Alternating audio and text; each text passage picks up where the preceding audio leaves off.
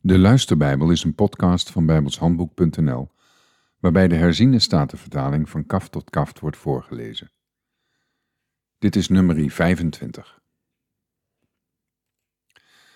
Israël verbleef in Sittim, en het volk begon hoererij te bedrijven met de dochters van Moab. Die nodigde het volk uit bij de offers aan hun goden, en het volk at en boog zich voor hun goden neer. Toen Israël zich zo aan Baal Peor koppelde, ontbrandde de toorn van de Heere tegen Israël. De Heere zei tegen Mozes: Neem alle hoofden van het volk en laat hen voor de Heere in de volle zon ophangen, zodat de brandende toorn van de Heere van Israël afgekeerd wordt. Toen zei Mozes tegen de rechters van Israël: Ieder moet zijn mannen doden die zich aan Baal Peor gekoppeld hebben.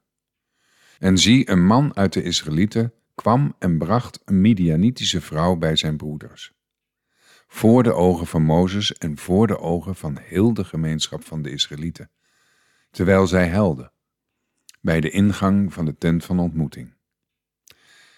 Toen Pinias, de zoon van Eleazar, de zoon van de priester Aaron, dit zag, stond hij op uit het midden van de gemeenschap, nam een speer in zijn hand ging achter de Israëlitische man aan het slaapvertrek in en doorstak hen beiden, zowel de Israëlitische man als de vrouw, door hun buik. Toen werd de plaag over de Israëlieten tot stilstand gebracht. Het aantal van hen die aan de plaag stierven was 24.000. Toen sprak de Heere tot Mozes: Pinias, de zoon van Eleazar, de zoon van de priester Aaron, heeft mijn grimmigheid over de Israëlieten afgewend, doordat hij zich in hun midden met ijver voor mij heeft ingezet, zodat ik de Israëlieten niet in mijn naijver vernietigd heb. Zeg daarom, zie, ik geef hem mijn verbond van vrede. Hij en zijn nageslacht na hem zullen het verbond van het eeuwige priesterschap hebben, omdat hij zich voor zijn God heeft ingezet en verzoening voor de Israëlieten heeft gedaan.